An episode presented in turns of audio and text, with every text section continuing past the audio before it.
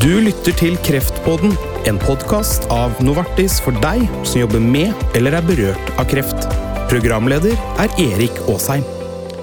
Det viktigste er at man har et kosthold som hovedsakelig er plantebasert, og som inneholder mye grønnsaker, frukt, bær og fullkorn, og begrensede mengder rødt og bearbeidet kjøtt, salt, tilsatt sukker og energirike matvarer. Det er det beste kostholdet for å forebygge kreftsykdommer. Velkommen til eh, Kreftpodden, eh, Rune Blomhoff. Takk. Du er godt kjent for mange. Du er norsk ernæringsforsker og professor og forskningsleder på Avdeling for ernæringsvitenskap ved Det medisinske fakultetet eh, ved Universitetet i, i Oslo. Og, og, i denne utgaven av Kreftpodden så skal vi snakke om rett og slett hvilke mat uh, er bra for kreftpasienter. Uh, men det er ikke enkelt da, for eh, kreftpasienter å, å, å navigere i jungelen av gode og mindre gode eh, kostholdsråd, Rune Blomhoff? Nei, det er en stor utfordring. Det er mange som mener noe. Mm. det er mange som mener noe, og, og, og det, er, mange som har sterke stemmer ute i mm. media. Eh, men, og det er vanskelig å orientere seg. Så det er jo veldig bra at folk er opptatt av kostholdet. Men det gjør det veldig vanskelig å navigere, for det er veldig mye støy der ute. Det er ikke lett for folk å vite hva som er sant og ikke sant? Nei, det er Nei. utrolig vanskelig å navigere. Mm. Men uh, vi tror på deg, vi. Derfor er du kommet hit som vår gjest. Uh, du har, fordi du har skrevet flere bøker. Blant annet uh, 'Antioksidanter den sanne historien'. Det er én bok. 'Mat mot kreft' er en annen bok. Så la oss begynne med en gang. Altså, hva er den beste maten for, for folk som, som har kreft? Eh, du, det du spør om, er først eh, forebygging. Ja. Eh, det beste kostholdet for å redusere risikoen for å få en kreftsykdom, det er at man har et hovedsakelig plantebasert kosthold. Og med hovedsakelig så mener man at omkring to tredjedeler av kostholdet er plantebasert. Det er mye. Det er ganske mye. Eh, og det er betydelig mer enn det vi har, har faktisk i dag. Mm. Og samtidig at man har et rikt innhold av frukt og grønnsaker, bær, helkornprodukter, og at man har et lavt inntak av rødt kjøtt, bearbeidet kjøtt, eh, salt, eh, tilsatt sukker og energirike matvarer. Mm. Hvis man har det, og samtidig klarer å opprettholde vekten innenfor normalområdet, da er det den mest effektive måten å beskytte mot uh, kreftsykdommer på. Så dette er altså bra forebygging. Uh, men bare uh, energi, altså matvarer med masse energi, sier du. ikke sant? Altså, hva, hva, er det man skal unngå der? Altså, hva slags type matvarer er det vi snakker om da? Hvis man ser på næringsdeklarasjonen på matvarer, så ser man jo fort hva som har mye eh, kilokalorier, eller kilohjul, per, eh, per, per 100 gram. Mm. Men det er jo spesielt matvarer som er tilsatt mye sukker, eller, tilsatt, eller produkter, bearbeidede produkter som er tilsatt mye fett. Det er jo det som er de viktigste bærerne av energi i mm. kostholdet vårt. Mm. Mindre rødt kjøtt, sier du. Det er jo, det er jo en, en, debatt som alltid går. ikke sant? Der er jo folk også uenige. Altså, men hvor mye rødt kjøtt bør man spise? Ja, uh, Dette med rødt kjøtt det er jo ikke så lenge siden vi begynte å gi anbefalinger om det. Det kom først på i 2011 så var det de offisielle anbefalingene at man burde begrense inntak av rødt kjøtt. Og Det betyr ikke at man ikke bør spise rødt kjøtt i det hele tatt, men at det er det høye inntaket av rødt kjøtt det er det som det var en sikker kunnskap øker risiko for kreft i, i, i tykktarm. Mm. Og Derfor kom det rådet i 2011. Nettopp. Og etter den tid så har det, den forskningen vært styrket, så det sier vi fortsatt i dag med, eh, med økt styrke. Mm. Eh, og da er det jo dette med, eh, da er det med 500 gram i uken. Hvis man har et inntak over det, og det er en del som har det i Norge i dag, da er det den, det store inntaket. I rødt kjøtt så finnes det mye næringsstoffer som kan være gunstige, men det er altså det høye inntaket det er det som kan øke risikoen for kreftsykdommer. Mm. Men Vet du om det er noe, noe sånn forskjell på det, på det, røde kjøttet? Er det noe som er bedre enn en det andre? Nei, det vet man ikke så mye Nei. om. Det er generelt den matvaregruppen rødt kjøtt det er det, som, det er det som øker. Og man har ikke nok kunnskap til å skille mellom de uker. Og det, det ser så langt ut, ser det ut til at alle de som kategoriseres som rødt kjøtt, har denne effekten. Er det da de samme eh, kostrådene som, som, gjelder når man har fått en kreftsykdom? Um, det er jo kostrådene, det er de, de, nasjonale kostrådene. Det er jo på en måte bærebjelken også når man har fått en alvorlig kronisk sykdom. Det være seg hjerte- og karsykdommer, diabetes, men også kreftsykdommer. Men i tillegg, når man får en kreftsykdom, så er det noen spesielle ting som man også må ta hensyn til. Det er jo slik at er veldig mange som får en kreftsykdom, de, de får redusert matlyst. De, de får, får, får, rare smaksopplevelser, de får forstoppelse, de får diaré, de får mange sånne, sånne type problemer. Og det er ting som de fleste av oss får med jevne mellomrom, og som er helt uproblematisk. Men hvis man har det over lang tid, og hvis man har det samtidig mens man får en kreftbehandling, da er det veldig mange som går ned i vekt. Og vektreduksjon, som kanskje mange tenker er en fornuftig ting Mange av oss kan ha godt av å gå litt ned i vekt.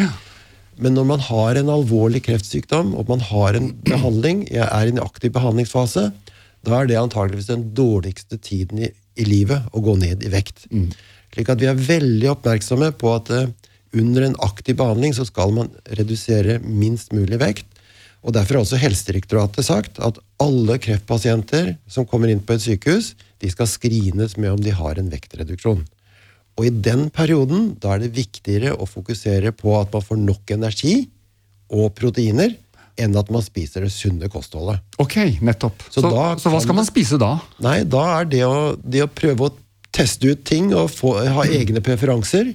Og, og, og, da er det langt viktigere å, å, glemme litt på en måte kostrådene i akkurat den fasen. Få i seg det som smaker, og det som gjør at man opprettholder energiinntaket. Da er det. Mm. Men, men med en gang man er ferdig med den aktive kreftbehandlingen, og, eh, og, på en måte livet stabiliseres litt igjen, mm. Så er det selvfølgelig veldig viktig at man, man tenker igjen på kostrådene. Mm. Så det viktigste liksom, når man får en diagnose, altså, det er rett og slett å holde vekta? Å spise nok? Det, det, er det viktigste. Og så, um, og så er det klart at så er det mange som får problemer de ikke klarer å håndtere. Og da må man ta kontakt med, en, uh, med helsepersonell. Mm først og fremst kliniske ernæringsfysiologer som er spesialutdannet til å håndtere pasienter med kompliserte ernæringsproblemer, utfordringer. Mm. Og da kan man jo komme med, I en sånn situasjon kan man jo få, eh, få næringstilskudd, eh, berikning av matvarer. Mm. Man kan få ulike spesialkoster. Man kan få sondernæring, Og mange må også ha intravenøsernæring. Mm. Og det å opprettholde eh, ernæringsstatus i en kreftbehandlingssituasjon er veldig viktig. fordi det er ganske mange som må avbryte kreftbehandlingen fordi de er i for dårlig ernæringsstatus. Mm. Så det er viktig for å kunne gjennomføre kreftbehandlingen at man har god ernæringsstatus. Og Du står jo bl.a. bak eh, eh, tabellen som viser eh, Eh, antioksidantinnholdet i en rekke matvarer. Og bak de, de, såkalte selvlysende musene, altså forsøksmus som har blitt brukt eh, bl.a. av deg og dine stipendiater, for å finne ut hvordan matvarer påvirker mekanismer som har med kreft å gjøre. Eh, så, så det, det, dette er et felt det forskes veldig mye på. Dette med kosthold og kreft er et av de mest aktive forskningen innen medisinsk eh, vitenskap. Mm. Og det er mange hundre artikler som kommer hver eneste uke om mm. dette temaet. Mm. Og man forsker med moderne, de mest moderne, avanserte teknologiene. Det er masse molekylærbiologisk, eh, molekylær forskning som går på mekanismer.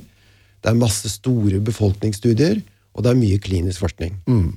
Og det er helheten i dette som på en måte gjør at vi, vi må på en måte både skjønne mekanismer, vi må se befolkningsstudiene, epidemiologien, og vi må ha de kliniske studiene. Mm. Det som er den store utfordringen, det er at det er veldig mange som har forutinntatte oppfatninger om kostholdet. Og så shopper man og prøver å finne de artiklene som støtter egne forutinntatte mm. oppfatninger. Mm. Og så prøver man å promotere akkurat dette. Jo, se, det stemmer. Mens vi, når vi gjør kunnskapsoppsummeringer, så gjør vi noe helt annet. Vi prøver å gjøre det så nøytralt som mulig, og prøver å legge vekt på alle flere ulike typer øh, forskningssystemer. Både mekanistisk, befolkningsstudier og klinisk forskning. Og så oppsummerer vi opp fra det. Men det er altså, Stadig så kan vi lese artikler om eh, 'jeg spiste meg frisk' osv. Altså, men det kan også skje. Altså, det å måtte spise de riktige tingene når man har en, eh, en, en, en alvorlig kreftdiagnose, altså det, altså det, det, kan det kan nesten være også medisiner, eller? Altså, tenker du det? Altså, Hvis man virkelig spiser riktige jeg tingene, eller er det jeg feil? Tror, jeg tror ikke Det er nok eh, ekstremt sjelden at det kan skje. Um, det er klart at eh, kostholdet og ernæringsstatus er viktig som en grunnpilar, slik at du tåler kreftbehandlingen. Mm. Det er, kreftbehandlingen er det viktige. Det er, det er, eh, du, du kan ikke spise deg frisk av en kreftsykdom. Mm. Det, det, er, det, er det er ikke noe dokumentasjon på det. Nei, Men jo sunnere og friskere du er, eh, du har spist sunt, og fulgt kostrådene, du er forholdsvis ok trent, da vil du også tåle en kreftbehandling bedre. Det er noe av, av Det budskapet her. Og du vil, du vil ha redusert risiko for å få sykdommen i første omgang. Ja. Du vil ha en bedre, eh, bedre situasjon for å kunne tåle kreftbehandlingen, og også tiden etter en kreftbehandling. Fordi det er omkring 300 000 eh, i Norge som lever eh, med kreftsykdom, eller etter en kreftdiagnose i Norge. Og, eh, og det er veldig mange av de som får seneffekter. Så rehabilitering, kreftrehabilitering, er et veldig viktig aspekt av dette. Og det er klart at hvis du har et godt kosthold, god fysisk aktivitet og gode levevaner, så vil det være veldig viktig i forhold til kreftrehabilitering, at du da kommer tilbake til samfunnet, og at du kan ha mange sunne leveår også etter at du har vært gjennom en kreftbehandling. Så rett kosthold kan også eh, gi deg et bedre liv eh, etter at du måtte ha hatt, er ferdig med behandlingen. rett og Riktig. riktig. Ja. Hei, jeg heter Anita Fredriksen. Og jeg er Anita Henriksen. Så fint at du lytter til Kreftpodden. Denne podkasten er et initiativ fra Novartis for å fremme kunnskapsdeling og faglige diskusjoner innen fagfeltet onkologi. Den er ment for deg som jobber med eller er berørt av kreft. Vi spiller stadig inn nye episoder for å kunne utvikle podkasten med dagsaktuelle tematikker. Følg med og abonner på Kreftpodden, så blir du varslet når det kommer nye episoder. Og så er det kosttilskudd. da? Altså vi, når, når mørket kommer og høsten kommer og det regner hele tiden og vi føler oss bleke og slappe, så, så, så er det jo fort gjort å pøse i seg med litt kosttilskudd og tror at uh, Nå føler jeg meg i bedre form, gitt. Ja, Ja. Um, det er jo mange hundre millioner mennesker i verden som har for dårlig ernæringsstatus, og som trenger enkelt næringsstoffer. Enkeltvitaminer, mineraler. Men i Norge så er det veldig lite utbredt. Slik at det å begynne å tenke, med å tenke på at man skal få et sunt kosthold ved å begynne med kosttilskuddene, det er i feil ende å begynne. Det vi vet er det mest effektive, det er kostrådene. Det er det det er mest dokumentasjon på, og det er det som er det mest effektive.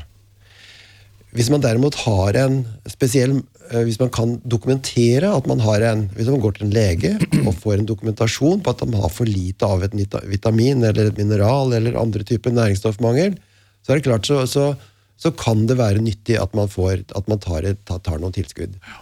Så generelt så ønsker vi at folk skal fokusere på kostholdet fremfor tilskudd. Det er noen få unntak. For eksempel så i Norge så er det, er det mange som, eh, som eh, har litt for lite D-vitamin i kostholdet. Og eh, de som er, har lite ute, på, fordi D-vitamin produseres også i huden når man er ute i sollys. Så de som har mørk hud, eller de som er lite ute i sollys, og som har et dårlig kosthold, de utfordres med D-vitamin. Så det, da kan det være nyttig å ta et D-vitamintilskudd. Det er liksom unntaket. Så har vi også noen spesialråd om å gi folat til eh, gravide kvinner. Og så har vi også et råd om å, at de som er, spiser veldig lite mat, f.eks. eldre, små, som veier lite, de spiser så lite mat, at de kan også ha nytte av et multivitamin- og mineraltilskudd.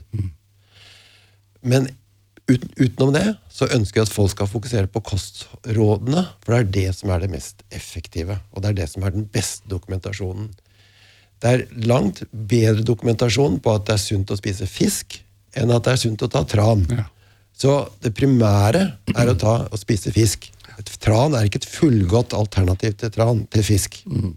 Men, det er noe, men, men, er det, men er det skadelig? Altså, ikke sant? Altså, øh, ikke sant? Ja, det kanskje det- kanskje det er god også- for folks mentale helse å tenke at jeg tar litt kostråd, altså jeg tar litt kosttilskudd, jeg tar litt ekstra tran. Selv om jeg spiser mye fisk, så, så hjelper det litt på, kanskje på, på moralen.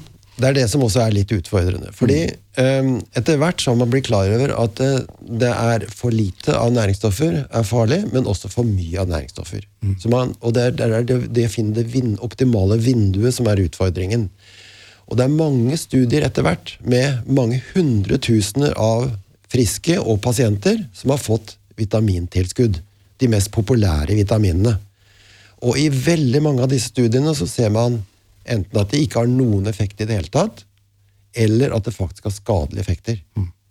Slik at det å ta antioksidant tilskudd i store doser, det anbefaler vi ikke. For de aller fleste studiene viser faktisk at det er skadelig. Det øker risikoen for sykdom, og beskytter ikke. Så det, det ser ut til at det, det, hvis man følger kostrådene, så får man de riktige dosene, den riktige blandingen og den riktige sammensetningen. Så det, å, det er på en måte den optimale pakka, og ikke høye doser av enkelt næringsstoffer. Men likevel er jo butikkene og, og, og apotekene fulle av eh, altså hyllene er fulle av kostholdstilskudd. Så det er jo et, det er et paradoks, dette her. Det er det. Og det er For meg så er det eh, rart at det er lov til å ha slik aggressiv markedsføring av mange av disse produktene. Det stusser jeg veldig på. Hvorfor skal det være lov å si slike ting som vi ser faktisk er skadelig for de aller fleste? Og mange er jo da opptatt av å, å, å styrke immunforsvaret sitt. ikke sant? Det gjelder jo både forebyggende, altså sånn kontinuerlig, men ikke minst når man, man får en eh, diagnose. Eh, og så er det da mange påstander om, om, om matvarer som styrker immunforsvaret. Hva, hva, vet, eh, hva vet vi om det? Ja, det er mange påstander. Eh, grønne kaffebønner det, det, det, Du kan lese det i, i aviser og blader nesten hver dag. Så kan du se ting, matvarer som anbefales tilskudd for at man skal styrke immunforsvaret. Når det gjelder immunforsvaret, så er det viktig å være klar over at det er ikke om å gjøre å ha et så sterkt som mulig immunforsvar. Um, det som er viktig med immunforsvaret, er at de reagerer på de riktige tingene. Faktisk i Norge så er det omkring én million nordmenn som tar medisiner for å dempe immunforsvaret. Fordi immunforsvaret reagerer for kraftig. Okay. F.eks. allergi, autoimmune sykdommer. Eh, Immunforsvaret reagerer på ting de ikke skulle reagere på. Mm. Det er klart at i, i mange u-land, hvis man har lite, eller i land med, hvor man har dårlig kosthold og, og næringsstoffmangel, så utfordres immunsystemet, immunforsvaret. Og for de så kan det være veldig viktig å få no, tilstrekkelige mengder næringsstoffer. Men i Norge så har vi generelt har vi et, har vi et veldig godt kosthold. Vi har aldri hatt så godt kosthold som vi, som vi har, hatt, har i dag, per i dag. Så, så vi har veldig veldig lite vitamin- og, og næringsstoffmangel i Norge i dag. Slik at det er ingen grunn til å tro at det, at det, at det, er, at det er en primær ernæringsstoffmangel som gjør at man har, et, har, har svekket immunforsvar. Så, så jeg tenker at de fleste av oss de kan være glad for at alle disse påstandene om at man skal styrke immunforsvaret, at ikke det virker. For det ville vært skummelt. Men om man ønsker å gjøre det, da? Er det noe som virker, eller skal man bare glemme det? Nei, det finnes ingen dokumentasjon på at det virker. Unntaket er da hvis man har en næringsstoffmangel, som i disse 100 millioner som har f.eks. vitamin A-mangel i, i verden. Det finnes over 200 millioner barn som har vitamin A-mangel. Hvis de får vitamin A, da får de et bedre immunforsvar. Men i Norge så finnes ikke det. det. Det finnes ingen tilfeller som kan tilskrives det i Norge. Da må det være sekundært at man har en annen sykdom som så kan lede til at man får et næringsstoffmangel. Ko- Bokcoveret på den boka di, eh, mat, 'Mat mot kreft', det er jo masse blåbær. ikke sant? Eh, Så, så ikke sant? blåbær kan vi konstatere, det er bra. Altså, Det vi har blitt mer og mer opptatt av, eh, eller det som forskningen har vist de siste årene, det er at eh, det ser ut til å, legge vekt på enkeltmatvarer. Det er Kanskje det viktigste er å se på matvaremønsteret. Det er helheten. Slik at det å spise variert, det å spise innenfor kostrådene, men spise variert og spise variasjon, frukt og grønnsaker, ulike farger, framfor å satse bare på enkel matvarer, det er, det er det som er det sunneste.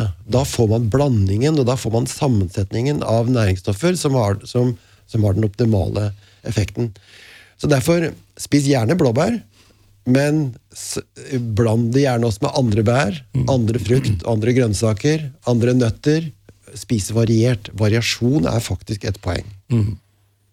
Men nå, når jeg hører på deg nå, så, så, hører, så er det som at altså, Nå har vi egentlig alle svarene, vi vet hva man skal gjøre. Men samtidig så jobber du jo et internasjonalt forskningsprosjekt nå, hvor du faktisk skal jobbe med å lage nye, nye, nye kostholdsråd. Eh, bare sånn aller først, Hva slags prosjekt er dette?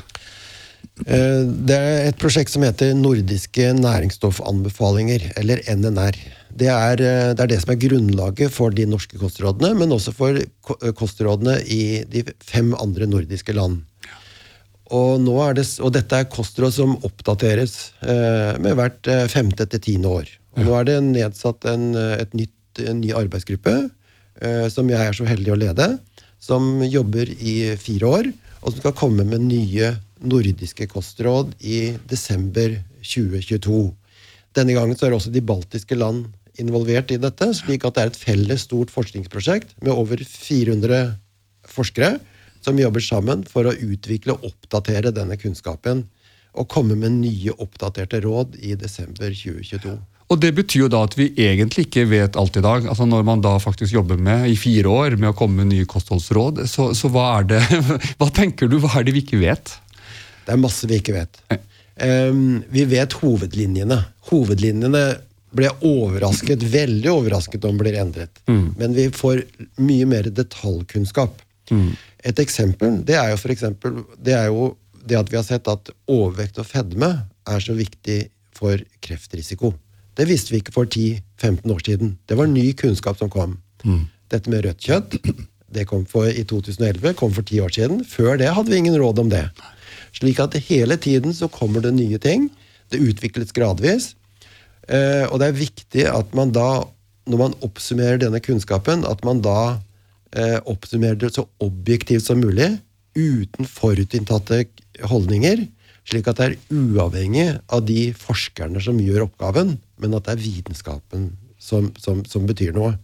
Slik at om det er gruppen i, No- i Norden som gjør det, eller en samme gruppe i Amerika, eller i Australia, eller Sør-Amerika, eller hvor, hvor helst, så, så kommer man til de samme rådene, fordi det er vitenskapen som betyr noe, ikke personene som er involvert i denne kunnskapsoppsummeringen. Mm. Men vitenskapen, men tenker du ikke at den også spriker litt, eller er det bare måtte, vi som, eh, som vanlige mennesker leser, at vi leser vitenskapen litt feil? ikke sant? Altså, for Det virker som det er liksom tunge eksperter ikke sant, rundt omkring i verden som, som, som, som måtte litt forskjellig oppfatning av dette.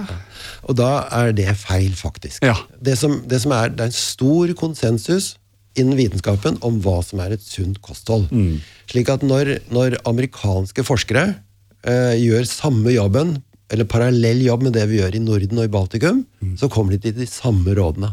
Samme, når når det er forskere i Tyskland, i England, i Frankrike, Australia, i Japan, som gjør de samme oppsummeringene, så kommer man til de samme kostrådene. Veldig små variasjoner. Selvfølgelig er det ting vi ikke vet. Det er noen, det det og det er, det vi utfordres hele tiden, og det er ulike oppfatninger og ulike, øh, øh, ulike konklusjoner som utfordres. Og det er veldig bra. Det er sånn forskning kommer videre. Men hovedlinjene i hva som er et sunt kosthold, er det stor enighet om blant verdens forskere og helsemyndighetene i, i alle land i verden som har et oppegående helsesystem.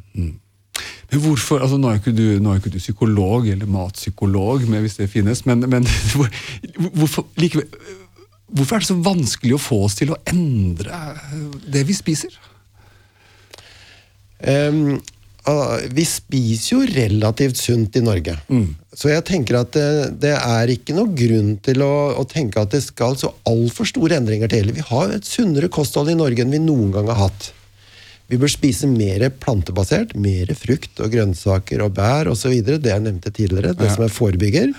Um, men, men basically så har vi et relativt godt kosthold i Norge. Eh, så, så, så jeg tenker at det, fokuset bør være på, på kostrådene. De, de som baserer seg på de store kunnskapsoppsummeringene. Det er det som på en måte er viktig å få fram. Og, og, folk, og folk i Norge har jo en relativt høy tillit til rådene fra helsemyndighetene. Det er veldig bra. I Norden så har helsemyndighetene har en, har en stor stjerne i forhold til mange andre land. Det er noe som vi har, som vi har stor glede av. Så når helsemyndigheter kommer med nye råd som er basert på kunnskapsoppsummeringer, så hører folk stort sett på det. Og det er veldig, veldig bra. Og så har du da, sant, eh, helt mot slutten her, sant, så tenk litt på, på, på fastlegen, f.eks., eh, som, eh, som skal gi da gode råd til, til, sine pasienter, både i forebygging og kanskje ikke minst da etter at man er ferdig med en behandling. ikke sant, også. Altså, er det mye kunnskapshull eh, der ute blant fastlegene når det gjelder eh, kosthold? Generelt så tenker jeg at det er en ganske god kunnskapsnivå. Men, men, av og til så blir jeg overrasket over hva jeg kan lese i media som fastleger og andre helsepersonell kan uttale. Mm. Um, men jeg tenker at fastlegene jo, er jo en veldig viktig posisjon i Helse-Norge. Um, og de har jo selvfølgelig en, en, viktig rolle når det gjelder forebygging. Så når man får pasienter på fastlegekontoret, så, så bør man ha i bakhodet forebygging mm. nesten for alle pasienter. Fordi det er jo de samme rådene. Stor, det er veldig likhet på rådene som forebygger hjerte- og karsykdommer, mm. kreftsykdommer, diabetes og andre livsstilsrelaterte sykdommer. Så forebygging burde kanskje vært litt, litt lenger fremme Eh, for eh, fastlegene. Mm. Og den andre fasen er jo når man har vært spesialisthelsetjenesten, som ofte er, de, er, de, er, den viktige aktøren når det gjelder eh, primærbehandling av kreftbehandling. Men når man kommer etter den aktive fasen, og fastlegene tar over mer og mer av behandlingsforløpet, så er det veldig viktig at man også tenker på rehabilitering. Mm. Kreftrehabilitering. Og der tror jeg det er store utfordringer som vi ikke har vært flinke nok overgangen fra spesialisthelsetjenesten til kommunehelsetjenesten til fastlegene, der er det mange, mye som glipper. Og der er det mye, mye som kunne gjort, vært gjort bedre. Mm. Vi har hatt uh, flere uh, onkologer på besøk i Kreftpodden hvor vi har snakket om den første samtalen med, med, med pasienten. ikke sant? Altså Hvor viktig den er. Uh, og Det er ikke så veldig mange som har nevnt liksom, kosthold som tema på den første samtalen, men du tenker at det, det er også viktig at måte, spesialistene, at kreftlegene liksom, også tidlig tar opp eh, liksom, denne, de, dette området. Det er veldig viktig. Og vi blir også nå mer og mer viktig hvor, hvor vi, uh, opptatt av hvor viktig det som vi kaller prehabilitering er. Mm. Altså før man i, begynner med en omfattende kreftbehandling, en operasjon, så er det viktig at man kommer inn og tenker på kosthold, eh, ernæring, fysisk aktivitet, røykeslukt, reduksjon i alkohol, eh, læring og mestringskurs, før man begynner med en, med en, med en, med en omfattende behandling. Ja. Og vi ser at effekten av prehabilitering også er veldig viktig. Så gjennom hele behandlingsforløpet så er det veldig viktig at man har tenker på disse tingene også. Mm. Og dette er en voldsom kamp. Det er store kommersielle interesser her. ikke sant? Det ser vi jo alle, alle mediene. Altså, så Der er det litt sånn David mot Goliat her. ikke sant? Altså, Det er liksom den, den sunne fornuft mot, uh, mot uh, de store uh, multinasjonale konsernene med liksom mye penger bak seg. Mm. Det er riktig, det er det, det er det, som er utfordrende. Hvordan på en måte trenge gjennom. For det er jo på en måte, det er jo de populære stemmene i media, i, i podkaster, i, i, i, alle mulige influensere, på en måte. Det er de som, som trenger gjennom. Det er de mm. folk hører på. Så hvordan skal man da komme gjennom, på en måte? For det er ofte så er det på en måte de mest populære stemmene. Det er de som høres, og ikke de som forvalter vitenskapen best. Og det er utfordringen. Tre ting å ta med seg fra denne samtalen. Det viktigste er at man har et kosthold som hovedsakelig er plantebasert, og som inneholder mye grønnsaker, frukt, bær og fullkorn, og begrensede mengder rødt og bearbeidet kjøtt, salt, tilsatt sukker og energirike matvarer. Det er det beste kostholdet for å forebygge kreftsykdommer. Det andre som er viktig å tenke på, det er at man bør unngå overvekt. Um, og også at man bør unngå en betydelig vektreduksjon under en kreftbehandling. Og det tredje, det tenker jeg er at det beste det er å følge rådene til helsemyndighetene. De baserer sine kostråd på den beste, mest oppdaterte kunnskapen innen feltet. Helsepersonell i helsevesenet Kreftforeningen og de andre aktørene som støtter slike store kunnskapssummeringer, det er de man bør høre på. Det er de som har den beste og mest oppdaterte kunnskapen. Takk for at du var med i Kreftpodden, ernæringsforsker og professor Rune Blomhoff. Jeg heter Erik Aasheim, og vi høres i Kreftpodden.